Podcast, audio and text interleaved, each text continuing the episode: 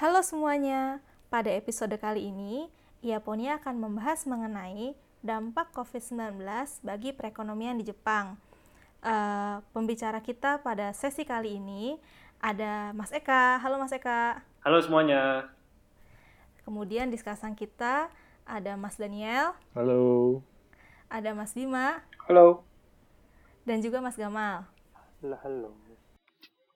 Oke, sebelum dis, uh, diskusi ini dimulai, aku mau kasih tahu dulu nih kira-kira apa aja sih yang akan dibahas pada episode kali ini. Yang pertama akan dijabarkan mengenai perkembangan COVID-19 di Jepang. Kemudian bagaimana dampaknya ke sektor pariwisata dan juga uh, dampak uh, bagi relasi Jepang dan Cina. Nanti yang terakhir juga ada respon kebijakan ekonomi Jepang terhadap situasi ini. Nah, kalau begitu uh, kita mulai saja diskusinya. Silahkan Mas Eka dimulai. Oke, terima kasih Sekar. Ya, jadi gini kita akan bahas mengenai dampak COVID-19 itu ke perekonomian Jepang. Nah, sebelum kita bahas dampak ekonomi, mungkin kita perlu tahu dikit ya tentang uh, situasi COVID-19 di Jepang seperti apa begitu. Nah, yang pertama gini, dari sisi jumlah orang yang positif, itu sekarang ke recordnya itu ada sekitar 17 eh, ribuan orang yang terkonfirmasi kena COVID-19, positif COVID-19. Angka kematian itu sekitar 927 jiwa yang terrecord per hari ini itu meninggal karena COVID-19. Nah, kalau dibandingkan dengan Indonesia, jumlah ini kira-kira itu uh, ini ya, setengahnya dari Indonesia. Kalau Indonesia itu kita lihat konfirmasi positif itu sekitar 37 37 ribu orang. Untuk meninggal dunia itu ada sekitar 2000 orang. Jadi untuk Jepang ini memang uh, COVID-19 itu bisa dibilang dampaknya secara apa ya eh, kesehatan itu tidak sebesar di Indonesia gitu karena yang meninggal itu setengah dari Indonesia dan juga yang positif itu hanya setengah dari Indonesia gitu. Nah, lalu kira-kira uh, usia berapa yang paling banyak kena? Jadi yang paling banyak kena di Jepang itu kalau kita lihat data itu rata-rata ada di umur 20 sampai dengan uh, eh, 59 tahun. Nah, itu dia uh, rata gitu kalau kita bikin kurva jadi 20 sampai dengan 59 tahun. Nah, setelah itu dia turun kurvanya. Di usia yang manula ya, 60 ke atas itu dia ada tapi nggak sebanyak di usia yang 20 sampai 59. Nah, kalau secara kita pikir ya, apakah ini bagus? E, tentu saja nggak buat perekonomian. Kenapa? Karena yang kita lihat itu di usia apa 20 sampai 60 itu kan banyak kan orang-orang yang masih produktif kerja. Sehingga kalau mereka itu kena COVID, berarti kan mereka harus karantina di rumah sakit dan tidak bisa bekerja gitu. Akhirnya ya dampaknya hmm. juga akhir ke perekonomian. Oke. Terus bagaimana trennya sekarang? Jadi kalau sekarang itu kita lihat kurva penambahan jumlah positif COVID di Jepang tuh dia udah mulai ini uh, turun gitu. Jadi itu puncaknya penambahan pasien hari ke hari itu paling banyak tuh di antara bulan akhir Maret sampai dengan awal Mei. Nah setelah itu dia udah nih sekarang dia udah apa ya rendah banget penambahannya itu di bawah 50 kasus per hari gitu. Karena pas mm-hmm. puncaknya di bulan April pertengahan itu penambahan kasus positif harian itu dia mencapai tiga, hampir 400 angkanya. Itu ter, tertinggi hampir ke 400 kalau di Indonesia kayaknya itu kemarin ini ya masih ada yang angka 1000 betul, 800 betul. jadi masih cukup tinggi tapi kalau di Jepang itu sekarang uh, sejak bulan awal Mei itu dia di bawah 50 penambahan kasus per harian. Hmm. Hmm, yeah. Iya. Itu di kondisi Jepang sekarang. Gitu. Nah terus Jepang ini juga diuntungkan sebenarnya karena dari ini ya kalau saya baca itu dari pola hidup. Karena kan di sana kita udah terbiasa pakai masker kalau sakit, kemudian kita bisa lebih jaga jarak dengan orang lain dan juga yeah. kita bisa apa mereka umumnya lebih peduli kepada kebersihan begitu. Nah, itu kira-kira gambaran uh, eh, COVID-19 di Jepang. Tapi sebenarnya kalau misalnya kita ngomong jumlah populasi, sebenarnya orang Indonesia, sebenarnya bandingin Indonesia dan Jepang, itu kan memang jumlah hmm. populasi juga uh, populasi Indonesia dua kalinya Jepang gitu kan. Sebenarnya kalau yeah. dari angka statistik hmm. bukannya malah uh, wajar ya angka segitu tuh. Yeah. Gimana menurut Mas Eka? Kalau oh, iya, kita lihat ya. statistik ya. sih emang kita populasi di Jepang itu kan totalnya 127 juta uh, kemudian Indonesia sekitar 250-an juta ya hmm, jumlah betul. populasinya hmm. Tapi harus dilihat itu demografis penduduk di Jepang itu rata-rata kan eh, nggak rata-rata banyak yang orang usia manula itu. Ah, yang betul, waktu di ya. awal-awal Ah, ya. awal-awal COVID-19 itu dia muncul, kan prediksinya nih negara-negara yang punya apa manula tinggi seperti Jepang dan Italia itu yang akan bakal jadi korban. Tapi nyatanya Jepang itu dia itu benar bisa nekan angka kematian dan juga angka kasus positif positif dengan level yang serendah mungkin itu. Hmm. Nah, yang saya terkejut juga tadi bahwa yang awal saya prediksi itu di data akan banyak itu korban di manula, tapi ternyata itu yang positif lebih banyak yang di usia produktif gitu. Hmm. Nah, kalau dugaan saya itu Hmm. mungkin karena kan Jepang itu bisa dibilang dia punya fasilitas kesehatan yang lebih baik Mhm. dibanding eh, Indonesia, sehingga responnya ke COVID itu dia juga bisa lebih cepat gitu. Mhm. Di samping eh, mereka terbiasa juga ya untuk apa jaga kebersihan dan juga pakai masker. Budaya pakai masker itu yang saya kira sangat kuat di Jepang itu. Iya sih, memang karena mereka bisa dibilang mungkin eh, nggak sakit pun juga hari-hari terbiasa sudah terbiasa pakai masker gitu ya. Iya. Terus juga gini, waktu kita ini kan ada semacam survei ya dari eh, lembaga ini NRC. Mhm. Dia itu gini survei. eh, Kira-kira setelah COVID-19 itu merebak, itu bagaimana perilaku masyarakat itu berubah? Nah, dari sekian banyak responden itu disurvei, itu 75% itu mengatakan bahwa dia itu setelah dia COVID, dia itu akan lebih cuci tangan lagi, kemudian dia akan lebih apa itu menggunakan masker lebih banyak lagi dan lebih banyak menggunakan alkohol untuk proses apa itu disinfecting tadi gitu. Hmm. Nah, saya duga ya hal-hal seperti ini yang membuat Jepang itu bisa lebih anu ya, lebih siap menghadapi COVID. Dan juga kan Jepang itu punya banyak pengalaman menghadapi bencana itu kan. Contoh Hmm. yang paling dekat misalkan eh, dulu 2011 kalau nggak salah itu ada apa gempa ah. di Gempa Tohoku di gitu. Fukushima. Fukushima. Nah, mereka terbiasa dihadapi dengan situasi-situasi yang menuntut mereka tuh untuk ini eh, mengantisip, apa, mengantisipasi dan juga merespon kalau ada bencana. Hmm. aku aku aku boleh nambahin lagi nggak insight gitu kayak apa ya Eh apa eh, kayak kalau di Jepang itu kalau masalah ini perbandingan sama jumlah populasi gitu ya sebenarnya ada satu angka lagi yang mesti disebut eh, angka testing per hari karena Hmm. angka positif itu per- eh, harus dibandingkan juga dengan angka testing per hari gitu kalau misalnya Jepang testingnya lebih banyak Hmm. hasilnya lebih eh, maksudnya dengan perbandingan dengan di Indonesia gitu Hmm. eh, testing lebih banyak eh, hasilnya banyak ya wajar gitu Hmm. kalau Indonesia kan baru belakangan ini nih bisa testing sehari sampai berapa, beberapa ribu sampel gitu Hmm. Itu baru baru banget baru belakangan ini Hmm. kalau di Jepang aku belum lihat sih datanya gimana cuma aku rasa mungkin Jepang untuk sampling lebih lebih apa testing lebih cepat gitu lebih banyak Iya. gitu Bukannya Betul, itu justru salah satu yang sempat dikritik juga ya. Kalau nggak salah sampai sekarang kan jumlah yang di testing itu cuma 0,2 persen dari jumlah populasi, setahu aku malah itu di mana di eh, di Jepang. Oh di Jepang ya Ah, jadi salah satu hal yang dikritik dari pemerintah Jepang itu jumlah eh, yang dites tuh nggak sampai 0,2 persen kalau nggak salah bahkan 0,18 seingat saya. Oh iya benar benar benar. Ya tapi eh, itu kok mesti dibandingkan sih angka realnya dengan di Indonesia gitu Ya, untuk tahu kan karena kalau nggak dites kan nggak tahu betul. positif atau Ah, enggak gitu. Ya, kan banyak juga kasus-kasus orang Mhm. yang tanpa gejala sama sekali, Dan tanpa tapi gejala betul ternyata positif. gitu kan. positif. ya. Itu satu satu itu Iya. dua ini dua apa eh apa namanya Eh, kalau di Jepang itu salah satu yang bikin yang impresif gitu ya dalam penanganan COVID-19 ini eh, bagaimana cara pemerintah mengedukasi mengedukasi rakyatnya gitu. Eh, saya waktu itu waktu lagi zaman zamannya inilah bulan puasa eh, sempat ngelihat kayak semacam dokumenter gitu tentang yang Diamond Princess Uh, dan Hmm. itu tuh di- digambarin secara jelas bagaimana cara virus menular dan kegiatan seperti apa saja yang memungkinkan virus-virus itu untuk menular gitu. Jadi dia bikin, mereka bikin simulasi eh, ini apa makan prasmanan, makan Mhm. prasmanan gitu buffet.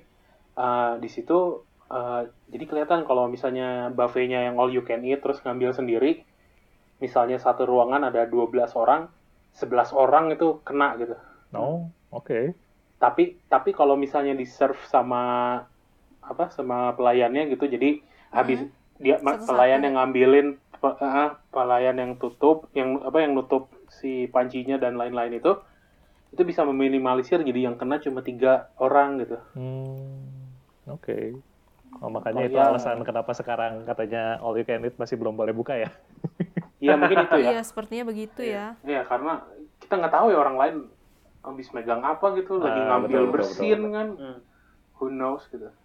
Iya Dan all you can eat kan makanannya bukan yang panas ya. Mm-mm, All you can iya. eat kan banyak ada salad lah, ada Ah. nasi, ada apa yang nggak nggak di, nggak dimasak lagi gitu. Kayak gitu sih. Iya. Dan politik politisinya juga cukup rajin ya untuk bikin video-video. Ya seperti yang saya tahu Hmm. kalau nggak salah eh, gubernur Tokyo sendiri kan turun tangan untuk bikin iklan cuci tangan loh. Eh, nyontohin cara cuci tangan yang benar. Terus eh, dia kalau nggak salah sampai kolaborasi sama youtuber eh, saya agak lupa namanya siapa cuman dia kalau dia kolaborasi sama youtuber. Itu satu hal yang bahkan Hmm. katanya Hmm. jarang di- dilakukan sama politisi Jepang cuman karena kondisi seperti ini Hmm. mereka sampai mau gitu loh untuk kolaborasi Iya iya iya. Hmm. Itu juga tuh artis tuh siapa? Arashi. Hmm. Mm-mm. Arashi ya itu anak saya sampai hafal lagu cuci tangannya Arashi. Oh iya, ada juga ya. yang jadi cara cuci tangan yang baik dan benar gitu. Aha. oh Hmm. apa oke. ya salah-salah jari terus yang detail banget lah nge- jelasin tepuk, ta- Ya, eh, tepuk tangan gitu ya. cuci tangannya iya ada itu Arashi Arashi kan salah satu artis paling besar di Jepang ya Iya. Di kita Fandomnya mah juga paling besar kalau nggak salah dia. paling kencang kan iya Heeh. Ya itu bagus juga sih. Eh, respon pemerintah juga dia cepat ya. Kalau nggak salah kan kita di, Jep- di, di Jepang itu dia kasus pertama akhir Januari itu langsung setelah itu diresponnya cepat sama pemerintahnya gitu. Jadi udah mulai ada apa kayak begitu muncul korban jiwa itu naik di Hokkaido itu langsung kan di lockdown itu pulau di Hokkai- di satu pulau di Hokkaido. Hmm. Dan di Tokyo pun juga dia udah mulai pengetatan. Nah, kalau kita bandingin sama Indonesia, eh, yang notabene itu kan jaraknya dengan Cina lebih jauh ya dibanding Jepang. Itu Betul. kita responnya untuk dari sisi pemerintah itu le- lebih lambat dibanding Jepang itu. Nah, Hmm. Jepang padahal kalau dilihat secara jarak dia lebih dekat dengan Cina gitu. Aha. Dan ban- dan kasus-kasus pertama itu emang ada kaitannya dengan eh, warga negara Jepang yang repatriasi dari Wuhan ke Jepang itu Hmm. walaupun begitu muncul beberapa kasus ya baru beberapa itu langsung diresponnya tuh kuat. Nah itu yang dugaan saya itu juga mencegah eh, outbreak di apa Jepang tuh nggak separah yang diprediksi sebelumnya. Karena dulu kan sempat prediksi eh, karena hubungan dagang Jepang Cina tuh kuat, Korea Cina itu kuat juga. Nah mungkin yang jadi epicentrum baru itu adalah Korea dan Jepang. Tapi nyatanya Jepang tuh memang sempat naik, tapi nggak juga itu. Setelah itu dia malah lebih dikit korban jiwa dibanding di Indonesia. Gitu. Bahkan termasuk cukup untuk kawasan Asia Timur termasuk cukup kecil ya dia angkanya. cukup kecil padahal secara jarak dan ini ya kan ada yang bilang itu kalau semakin ekonominya itu semakin berelasi dengan Cina itu akan semakin tinggi peluang terjadinya eh, COVID-19 di suatu negara itu. Hmm. Hmm. Oh. kita nggak bisa lupain juga mengenai masalah budaya di Jepang juga ya. Pastinya itu Hmm. karena yang Iya. tadi saya bilang itu Jepang punya sisi unggul yaitu mereka punya budaya bersih dan budaya untuk ini ya mungkin pengalaman untuk menghadapi namanya eh, bencana gitulah. Hmm, Nah, saya- Situasi-situasi tidak terduga yang berat dan mengharuskan orang untuk apa ya cepat tanggap gitu loh. Betul dan tidak panik. Mm-mm. kalau kita kan sempat itu muncul ini kan isu apa stoknya masker habis, stoknya disinfektan habis. Jadi orang tuh pada antri berbondong-bondong menyerbu toko apa itu toko eh, masker dan alat kesehatan. Iya, Kemudian harga juga udah naik. macam. Heeh. Apakah di Jepang juga ada serupa? Yes, ada, tapi itu nggak sebanyak di Indonesia gitu kalau kita lihat di apa eh, berita juga dianggarkan statistik itu. Sempat ada kepanikan kalau masker itu habis, tapi itu nggak lama. Mungkin karena mereka punya pengalaman ya dalam menghadapi berbagai bencana dan juga pemerintahnya jauh lebih prepare gitu dibanding eh, di Indonesia misalkan. aku aku jadi inget itu yang waktu kasus yang eh, 311 itu Mhm. yang gempa di Hmm. Fukushima itu eh, sampai ada yang kan lagi makanan udah mau habis nih Hmm. Tapi orang-orang tuh masih ngantri gitu di 7-Eleven gitu. Ngantri buat beli makanan gitu. Jadi walaupun dalam kondisi separah itu pun ya sebenarnya bisa dibilang lah kalau bencana tuh lebih parah kan daripada COVID gitu. Tsunami Iya, gitu kan lebih kan parah. luluh lantakan. Mm-mm. Ya, Dalam situasi seperti itu aja mereka masih bisa ngantri gitu. Itu keren banget sih. Nah, tapi justru dengan melihat hal yang seperti itu, gimana caranya kalau kita angkat isu yang seperti ini supaya masyarakat kita bisa mencontoh yang baiknya. Jadi Hmm. bisa teredukasi. Tentu saja.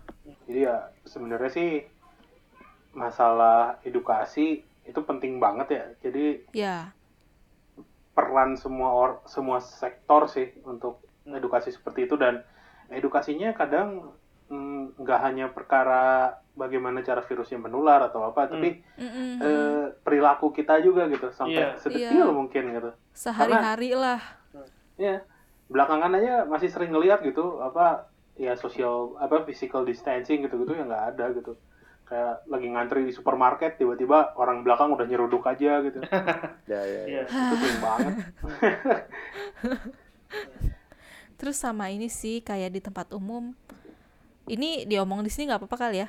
Iya. Apa-apa.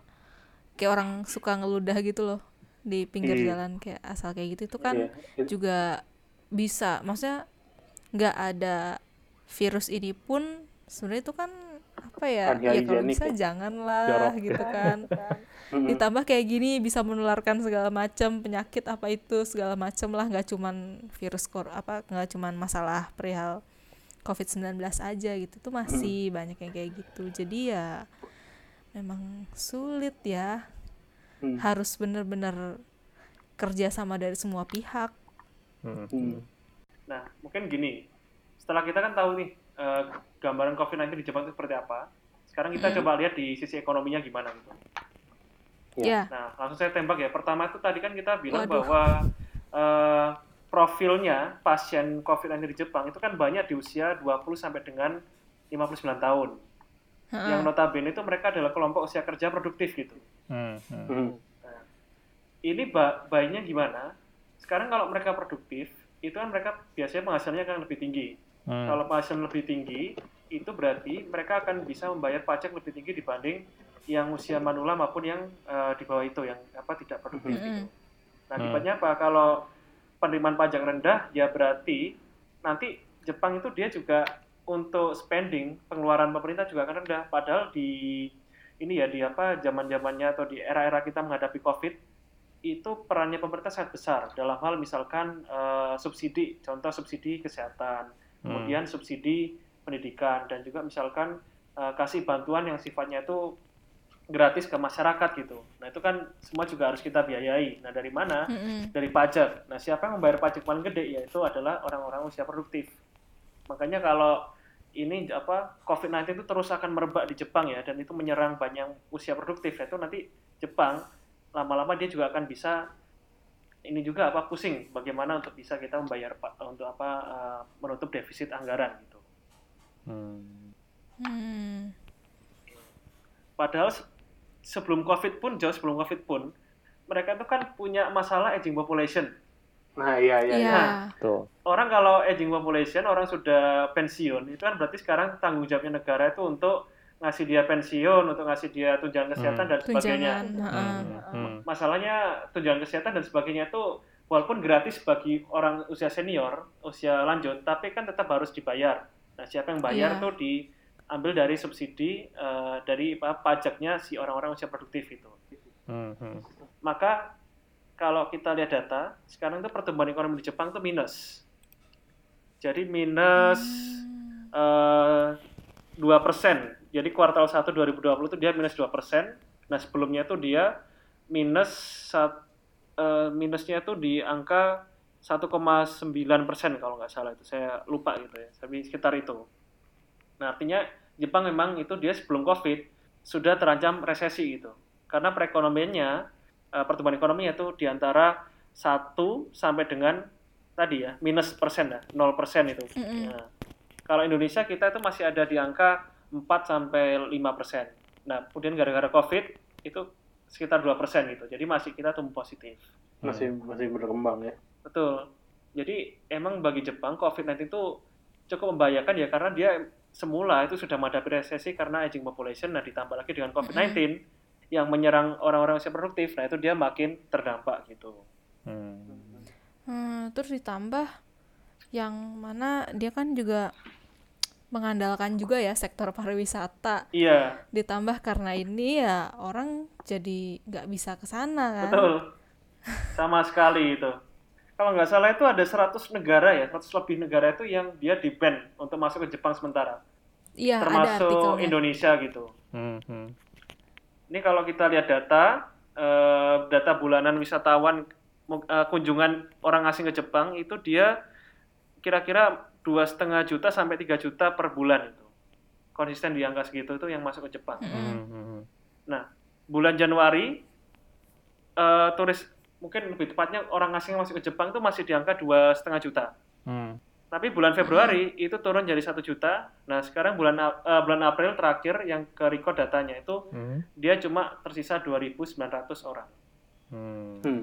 Jauh sekali turunnya Jauh ya. banget ya.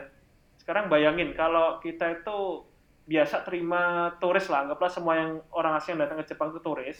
Hmm. Kita terbiasa terima dua setengah juta orang di Jepang tiap bulannya. Bulan. ha-ha. Berarti kan itu ada banyak hotel yang eh, beroperasi gitu di normal. Iya. Banyak hotel, banyak ryokan, terus apa lagi eh, tempat makan, resto, resto. resto, Tempat makan. terus Toko konbini, souvenir. toko souvenir. Iya, toko Nah, souvenir dan tempat-tempat wisata juga sih. yang terbiasa melayani dua setengah juta orang, nah tiba-tiba sekarang itu nggak ada yang beli sama sekali gitu dari turis ya. asing. Lah iya. Ya.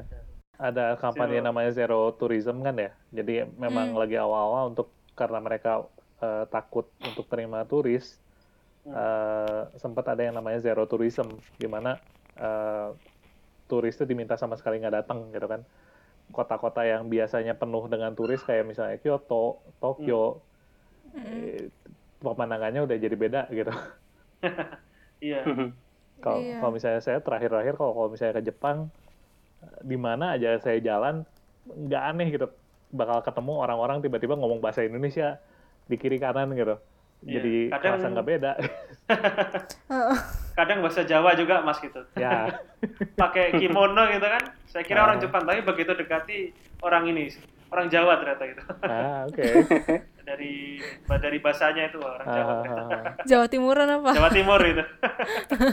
Iya. Nah, Tapi, ini turis kegiatan apa itu dunia pariwisata itu penting banget bagi Jepang khususnya itu untuk ini kota-kota yang kecil ya Hmm. misalkan saya dulu pernah ke kunjungan itu ke ini Kakunodate Hmm. itu kota tua kayak Kyoto tapi letaknya itu di utara di mana itu Tohoku itu Nah, Mm-mm. dia itu saya lihat di data memang pendapatannya sebagian besar dari turis karena dia kena aging population. Kalau aging population itu kan berarti kita nggak punya cukup tenaga itu untuk masuk ke ini ya industri-industri yang berat gitu. Nah dari mana dia dapat pendapatan ya? Kalau kita mau ya dari kegiatan apa pariwisata gitu.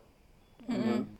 Jadi bayangin kalau sekarang anda itu 80% perekonomian itu bergantung pada pariwisata, terus tiba-tiba kehilangan turis, sementara anda punya penduduk yang harus dibiayai ya karena sudah usia lanjut, Mm-mm. dan terus nggak ada pendapatan dari mana nih uang pajaknya?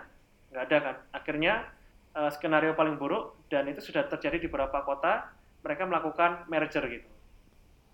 hmm. Hmm. Jadi misalkan ada empat kota yang kebetulan tuh sama-sama dia mengalami kendala di eh, perpajakan ya penerimaan perpajakan dan nggak punya cukup dana untuk eh, membiayai pemerintahannya dan juga masyarakatnya akhirnya mereka melakukan merger gitu. Hmm, Fenomena ini memang berlaku hanya ketika COVID atau memang se- sebelumnya tren seperti itu memang udah ada, Mas Eka?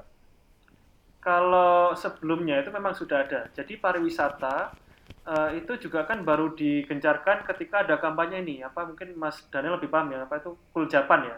Hmm, hmm, hmm. Udah, Nah, oke. Jadi Cool Japan Tapi, heeh. ya Iya lanjut dulu aja Ya, mas. oke. Jadi Cool Japan itu juga sebenarnya dia merespon adanya aging population gitu. Kalau populasi semakin menua, eh, berarti kan mereka ini nggak bisa lagi bekerja gitu, yang sifatnya berat-berat.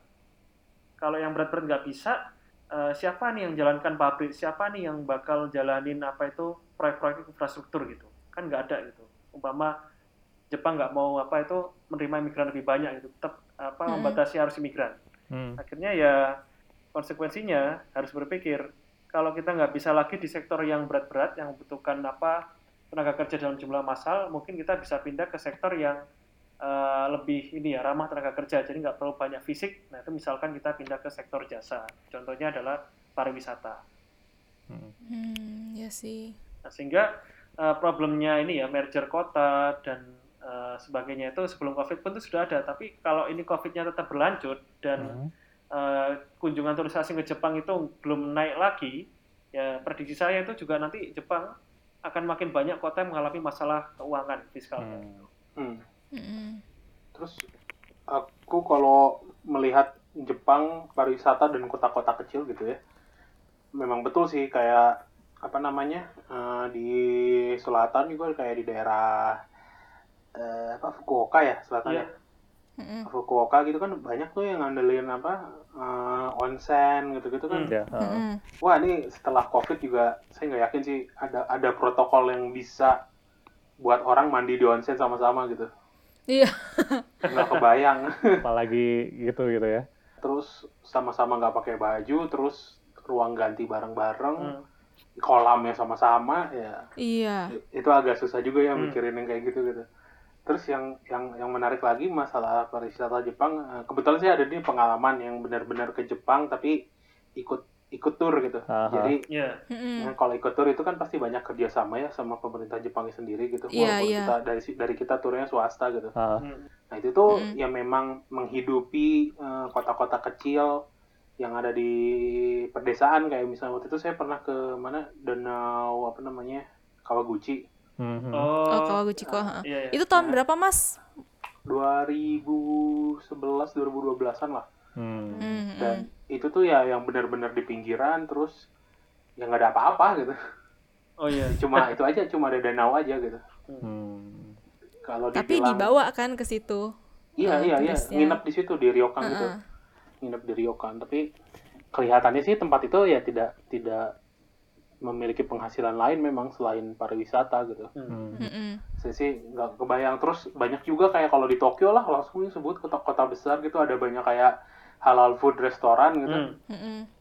kalau nggak ada turis siapa yang makan di situ gitu Iya. Ya, ya, betul, betul. Tuh. di daerah Asakusa aja itu yang Hmm. daerah turis banget gitu ya di situ kan ada ramen ramen halal ada uh, Iya. kebab nah apakah se- se- selama selama covid ini ada turis makan di situ ya enggak kan gitu Mm-mm, Iya dan sih. populasi muslim di Jepang juga nggak seberapa gitu Iya. dan mereka juga pasti mereka juga nggak bisa makan di luar pasti makan di rumah gitu. Nah, Betul. Iya, milih ma- masak di Jadi- rumah. Iya, impactnya tuh benar-benar berat sih pasti ke Jepang. Hmm. Dan halal tourism pun termasuk program pemerintah mereka sih Oh iya, untuk heeh. menarik wisatawan Muslim. Iya. Hmm. Jadi sebenarnya impact gede juga ke mereka tahun ini kan sebenarnya mau ngadain Olimpiade ya. Ah, iya, Ah, itu tuh. Iya, Ah, iya, itu dia. Iya. Tadinya kan mereka mau ngundang justru sebanyak-banyaknya orang datang pada tahun ini dan programnya Hmm, sebenarnya iya. udah jauh-jauh hari gitu kan. Makanya Hmm. Iya. kita Indonesia bisa Mm-mm. dapat visa Hmm. apa waiver visa juga di mana kita bisa Iya. salah satu saya rasa kan Iya. itu. kenapa salah satunya ya saya rasa karena itu juga mau menarik turis-turis asal Indonesia untuk bisa datang ke Jepang dan Betul setelah banget. Iya sih. itu kan udah dari 2000 berapa ya 2015 ya saya pertama kali pakai waiver visa tuh berarti udah lama banget kan sebenarnya mereka Iya. merencanakan program ini Iya, dan itu juga mereka juga udah banyak melakukan ini loh, rencana-rencana prevensi gitu. Seingat saya sih terakhir ke Jepang kan Desember tahun lalu ya. Itu tuh kalau nggak salah lagi rame, eh, mereka lagi nambah budget buat ini apa Olimpiade 2020 tuh eh, diperkirakan kan summer ya, summer Hmm, 2020 ini Hmm. diperkirakan eh, bakal ada ekstrim ini ekstrim summer jadi bakal yang panas banget gitu. Jadi ya mereka udah ma- ma- mau menganggarkan pasang apa eh, shades yang gitu gitulah pokoknya. Nah, gimana caranya supaya temperatur tetap terkontrol gitu. Hmm. kan crowd crowd dan ekstrim summer itu kombinasi yang sangat-sangat Iya. buruk gitu Iya, dia mematikan itu heat, heat stroke is real gitu setuju. jadi udah ada budgeting lebih untuk itu ternyata kejadiannya ya seperti ini ya ya benar Emang sih temanku- parah sih Temanku aja tahun ini udah berapa? Empat orang atau lima orang gitu nggak jadi ke Jepang. Tadinya Iya. niatnya mau spring ini sama summer tahun ini kan. Ah, Aku ya, juga. nggak jadi. Iya. Aku juga. Oh iya, Tadinya winter mau ke sana cuma nggak jadi deh. eh, winter, Winter akhir ini. tahun ini. Aku aku kan sobat winter. iya, aku juga sobat winter. Iya. aku emang anak Desember sih tapi. Nah, aku enam kali ke Jepang baru baru dua kali kalau nggak salah datang Hmm. pas summer. Sisanya pasti winter. Oh iya. Aku sering summer mah. Oh, Oke. Tiga atau empat kali gitu summer. Tapi kepaksa gitu kan karena ngikutin jadwal orang lain gitu. Nah, Oh. Hmm. Memang sih kalau saya cek data itu juga kan di survei itu menunjukkan hampir separuh responden itu menyatakan tidak puas dengan ini eh, respon pemerintahnya gitu. Mm-mm-mm. Yang sangat puas sekali itu kalau nggak salah 20 persenan dari survei di apa eh, statistika ini ya saya lihat ini. Padahal Iya. Shinzo Abe itu kan udah eh, dia sejak tahun 2012 ya menjadi perdana menteri itu salah satu perdana menteri terlama sudah eh, per- perdana menteri terlama kan yang yang berkuasa sampai sekarang dia Iya. Eh, dan tiba-tiba karena kasus COVID-19 ini dia termasuk yang kena kan ke elektabilitasnya. Iya. memang Iya. kalau Apa itu? eh, Hmm. Kalau mau bicara politiknya, AB itu memang di backing sama ini kan. Banyak didukung sama kelompok konservatif. Jadi Hmm. Mm-mm. ya mereka kan suaranya kuat ya, tapi ternyata ya kena COVID ini ya kalah juga sih akhirnya. hmm. Nggak sih, tapi ini nih ada statement kan. A lot of people lost job, good local restaurant are closed. Hmm. Ya emang wajar sih Ah. karena ini loh kan eh, tadi ya karena Jepang kan itu sekarang dia diarahkan untuk lebih ke sektor pariwisata pendapatan pendapatannya pendapatan pemerintahnya. Jadi wajar kalau setiap restoran kemudian setiap hotel yang didirikan di sana itu mempertimbangkan dua setengah juta orang yang datang di Jepang per bulan tadi itu. Hmm, Nah, hmm, Olympic 2000 apa 2010 sendi- 2020 sendiri emang itu juga salah satu tujuannya itu pengen mendatangkan eh, lebih banyak turis asing ke Jepang gitu. Harapannya dengan adanya Olimpiade ini orang jadi paham, oh ini loh Jepang, eh, ini ramah Muslim misalkan, kemudian Mm-mm. eh, fasilitasnya seperti ini, jadi dia akan melakukan kunjungan ulang. Nah, yang nggak Mm-mm. dipikirin orang itu kan gini, turis itu mungkin bisa sekali datang, tapi kan lebih baik kalau dia itu berkali-kali ka- kunjungan. hmm, hmm. Kayak saya misalkan saya ke Jepang tuh udah enam kali lah gitu ya. Mm-mm. Karena kesan pertama tuh bagus, saya datang lagi, datang lagi. Nah ini kan berarti saya dapat income yang lebih ini ya, lebih stabil gitu. Hmm, hmm. Nah ketika kita kehilangan dua setengah juta orang yang seperti itu, ya berarti eh, simply kita nggak melayani siapa pun setelah mereka tuh nggak datang lagi gitu. Hmm, hmm. Nah, itu makanya kalau di lagi-lagi survei ya dari TSR Mm-mm. eh, itu dia juga ngomong dari responden restoran akomodasi itu 100% semuanya menyatakan bahwa dia terdampak sangat berat dari adanya COVID-19 ini gitu. Hmm. Hmm. Nah, dugaan saya karena restoran dan akomodasi itu melayani turis-turis tadi gitu. Nggak Iya. hanya turis asing tapi juga turis lokal. Padahal kalau Hmm. Oh, turis iya. lokal karena ada COVID-19 pun mereka juga membatasi apa pergerakan. Hmm. Data itu menunjukkan ini kita lihat di data lalu lintas pesawat dan juga data ini eh, refund tiket.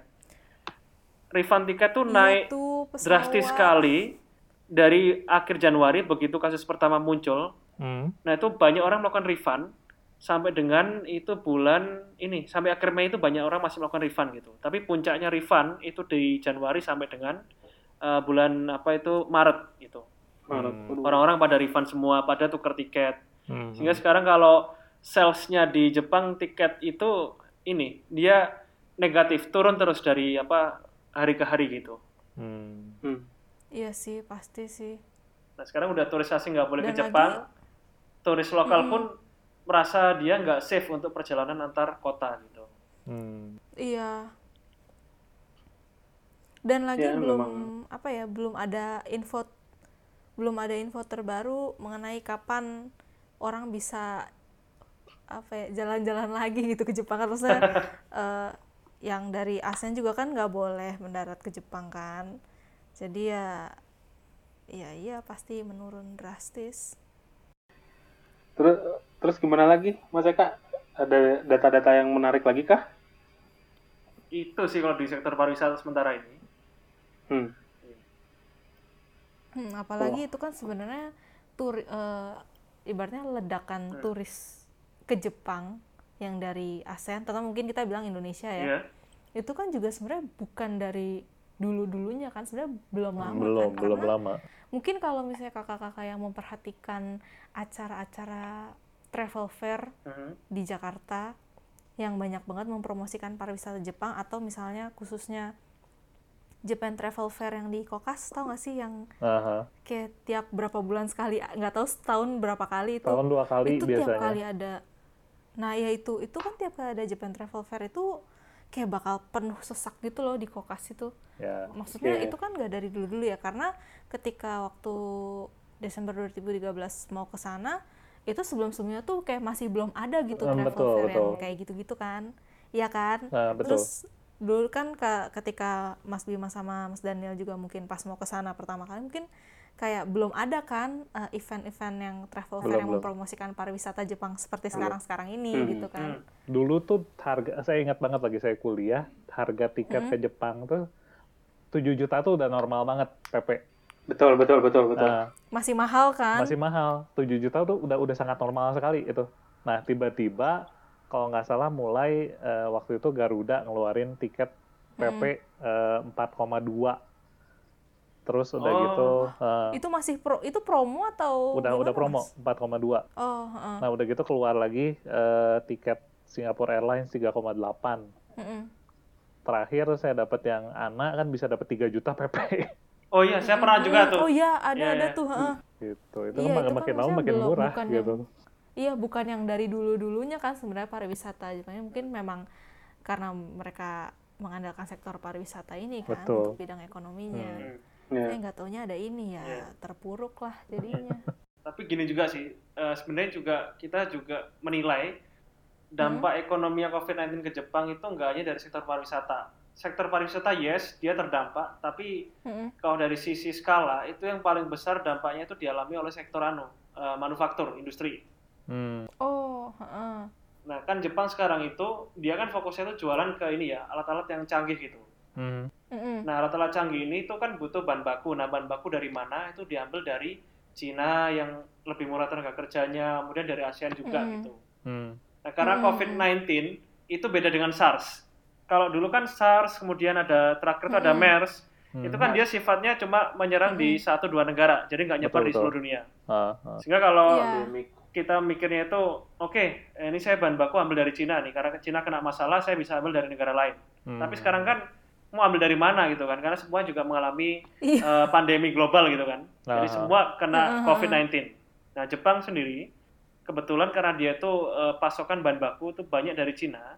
Begitu ada isu COVID itu merebak di Cina, mereka langsung antisipasi dengan membatasi eh, impor dari Cina dan juga ekspor ke Cina gitu. Hmm. Nah, yang paling terdampak ya tadi industri manufaktur. Mereka harus mikir, ini bahan ambil dari mana? Kalau saya misalkan ambil dari ASEAN, itu kan jaraknya jauh. Berarti saya harus keluarkan ongkos transport lebih gede lagi. Hmm, hmm, Eh, terus kedua adalah belum tentu kualitasnya tuh sama yang saya dapatkan di Cina gitu. hmm. Ah, Oke. iya iya. Muncul wacana, kalau gitu sekarang Jepang produksi sendiri gitu bahan bakunya supaya kita Hmm. nggak bergantung pada Cina.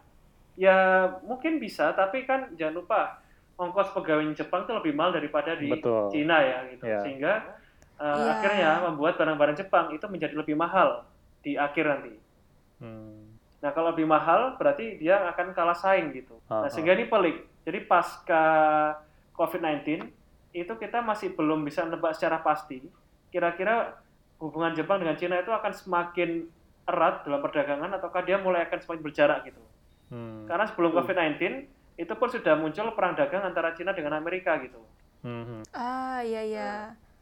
itu terbukti ya kalau kita lihat di data-data itu memang perdagangannya Jepang itu sempat anjlok gitu ketika Mm-mm. trade wars antara Cina dan Amerika itu melonjak gitu. Hmm. Nah, mungkin ke depan Jepang harus menimbang apakah tetap mempertahankan eh, dagang bahan baku dengan Cina ataukah dia mesti produksi sendiri. Tapi kalau dia produksi sendiri dia harus melihat gaji pegawainya itu relatif tinggi dibanding negara lain. Hmm, Nah, di hmm. sini berarti ada peluang. Seandainya ya kalau Indonesia kemudian juga negara-negara Asia Tenggara itu bisa pulih lebih cepat, itu kita bisa loh eh, mengantisipasi pindahnya investor Jepang dari Cina ke negaranya sendiri itu bisa coba kita tarik ke Asia Tenggara gitu. Misalkan ke Indonesia. Hmm. Ah, Nah, iya. menurut saya ini yang akan setebak itu adalah kita akan kalah dengan Vietnam gitu. Kenapa? Karena Vietnam sekarang wabahnya sudah reda Hmm. dan Betul, juga betul. dia secara ini ya iklim Oh iya. kemudian investasi itu lebih mudah dibanding Indonesia. Maka menurut saya nanti akan banyak investasi-investasi Jepang di Cina itu akan pindah semua ke Vietnam gitu. Tidak semua, mungkin sebagian besar mungkin bisa melirik Vietnam itu sebagai eh, tempat yang lebih atraktif gitu loh. Hmm. Hmm. Oh iya dan itu ya katanya kalau di Vietnam itu apa karena mereka juga tahu apa, apa kan katanya lapangan pekerjaannya sedikit Hmm. terus karena tahu Jepang mau ekspansi ke Vietnam jadi mereka tuh banyak yang belajar bahasa Jepang gitu terus katanya eh, orang pembelajar bahasa Jepang yang N2 tuh kayak banyak banget gitu loh di Vietnam katanya Ya. Iya, iya. Pernah dengar gitu juga. Jadi sebenarnya kalau misalnya dari sisi apa sistem internasional gitu ya, kalau Hmm, misalnya kacamata HI, Hmm. salah satu yang bikin eh, pandemi apa COVID-19 ini eh, ngancurin berbagai macam sektor perekonomian karena Hmm. banyak negara-negara yang eh, berker- ketergantungan tunggal sama Cina gitu. Hmm, hmm, hmm. Jadi, Hmm. Ya mungkin seperti yang kata Mas Eka tadi termasuk Jepang, ya dia ketergantungannya tunggal sama Cina. Jadi kalau Mm-mm. Cina nggak bisa apa-apa, ya udah semua nggak bisa apa-apa. Dan nah, auto terdampak gitu ah, ah, dan yang yang mengerikan lagi tadi baca baca juga gitu Hmm. eh, berita di Beijing katanya lagi mulai lagi ada ada ini lagi Oh, apa eh, iya si COVID-nya balik, ah, Oh. COVID is back gitu di Beijing. Oh ya yang baru-baru ini ya kayaknya itu di Beijing ya. Baru-baru banget, Eh, baru kemarin kayaknya. Nah, Hmm. begitu. Jadi ya sekarang kalau diukur pokoknya sektor manufaktur itu yang paling terdampak untuk Jepang ini. Mm-mm. Karena mereka itu bingung bahan baku dari mana dan Ah. juga mau ekspor ke mana gitu. Karena semua negara itu Iya.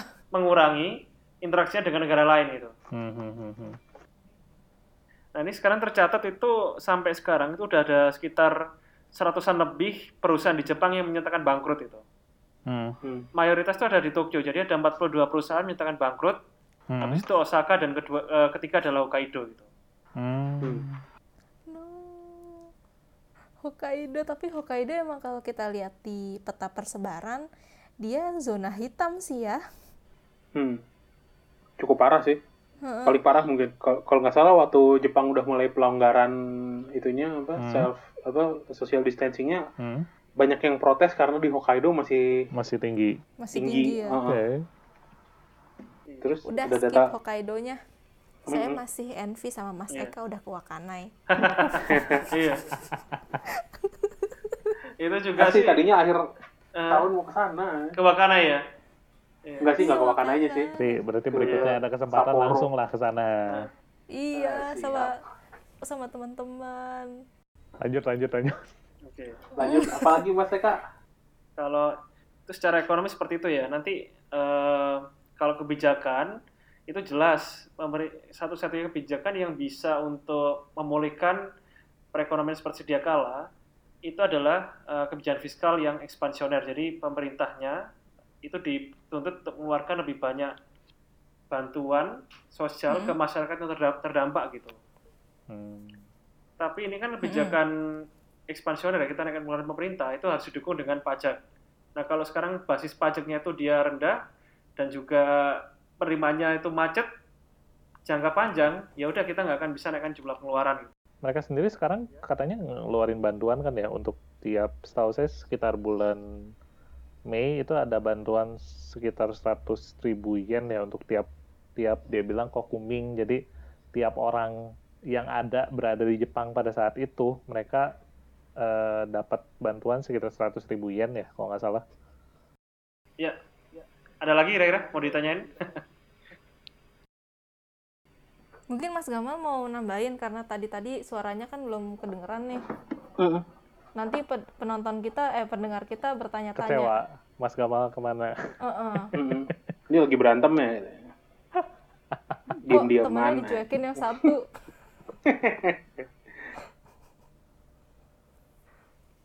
Di Jepang sendiri juga kebijakan Ah, yang ah. dikeluarkan oleh pemerintahnya terkait COVID juga um, rupa-rupanya em, banyak yang tidak populer juga tadi udah dibahas beberapa kali kan Mhm. gitu. dan apa ya, ketidakpopuleran ini sebetulnya Mm-mm. apa membuat em, banyak orang masyarakat Jepang juga jadi sadar gitu loh kalau misalnya apa pemerintah mereka tuh sebetulnya nggak terlalu banyak kayak berbuat sebetulnya buat mereka selain buat kepentingan mereka kepentingan golongan pemerintahnya sekarang sendiri tapi itu bagian dari apa yang eh, sebagian masyarakat itu pikirin sih Mhm. sebetulnya kayak gitu cuman ya menarik gitu kalau misalnya kita ada di Indonesia sekarang dan kita berpikir betapa jeleknya pemerintahan kita dalam menangani COVID gitu tapi Mhm. di um, pemerintahan lain juga dalam hal ini di Jepang itu juga Hmm. Ya dianggap oleh um, sebagian masyarakat itu juga banyak banyak Hmm. banyak kekurangan-kekurangan Hmm. gitu loh dan um, lagi-lagi dan sering kali dan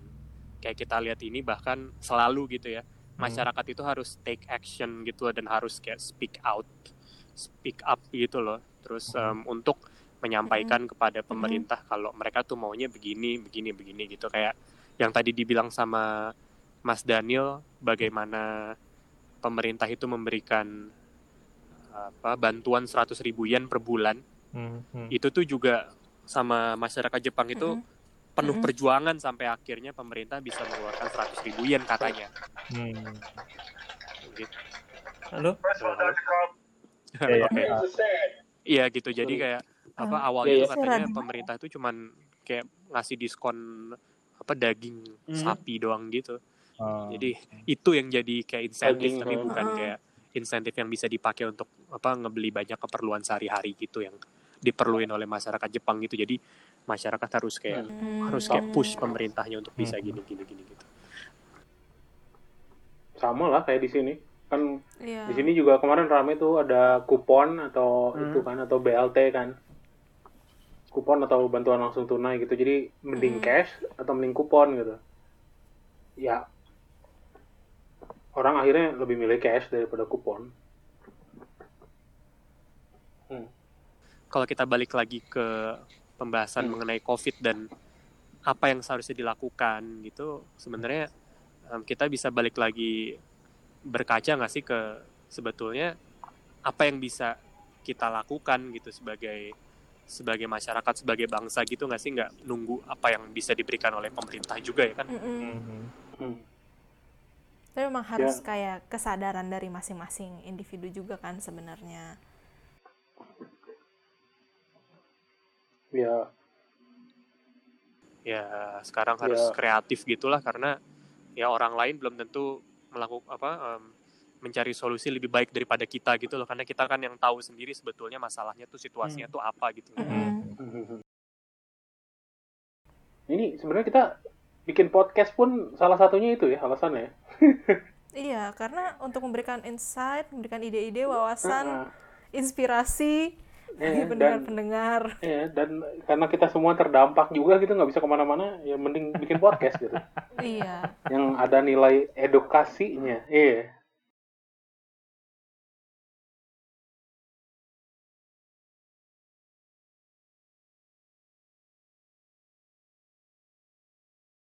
iya, jadi kan semua orang bisa Apa ya? akses mm-mm. Ini semacam Dengerinnya inilah juga bisa sambil santai kan. curhat berfaedah lah ini ya.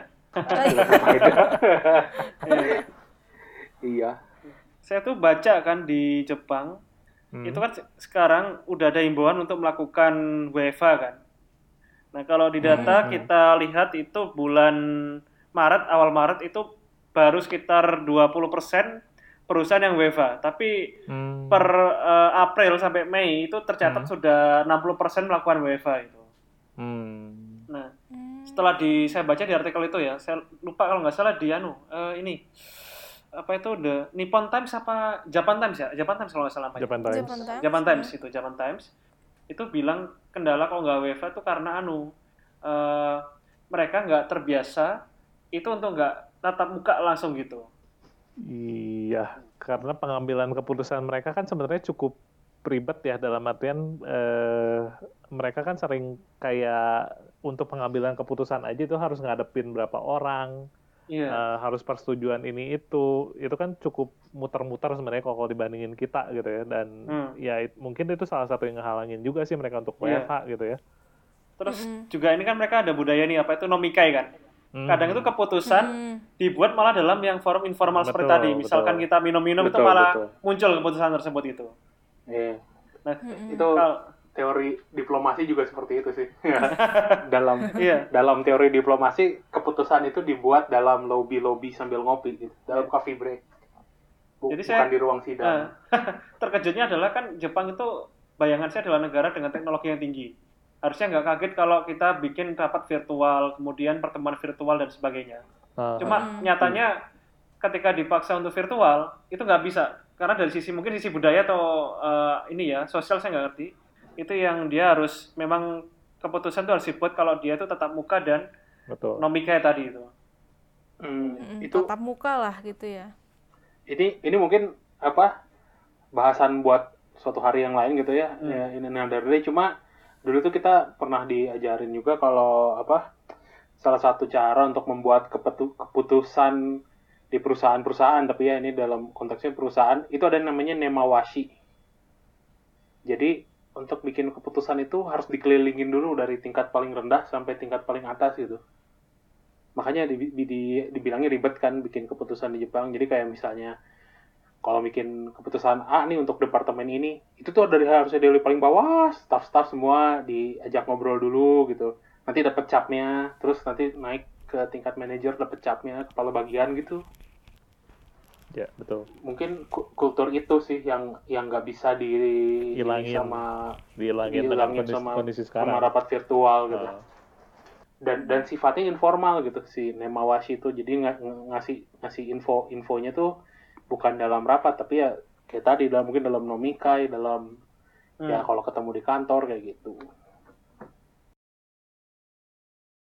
Ya, itu dia tadi eh, diskusi mengenai COVID-19 dan dampaknya eh, bagi perekonomian di Jepang ya. Banyak banget tadi yang udah diobrolin eh, dari perkembangan kasusnya di sana, terus dampak ke sektor-sektor seperti pariwisata, terus untuk relasi Jepang dan Cina itu ada manufaktur.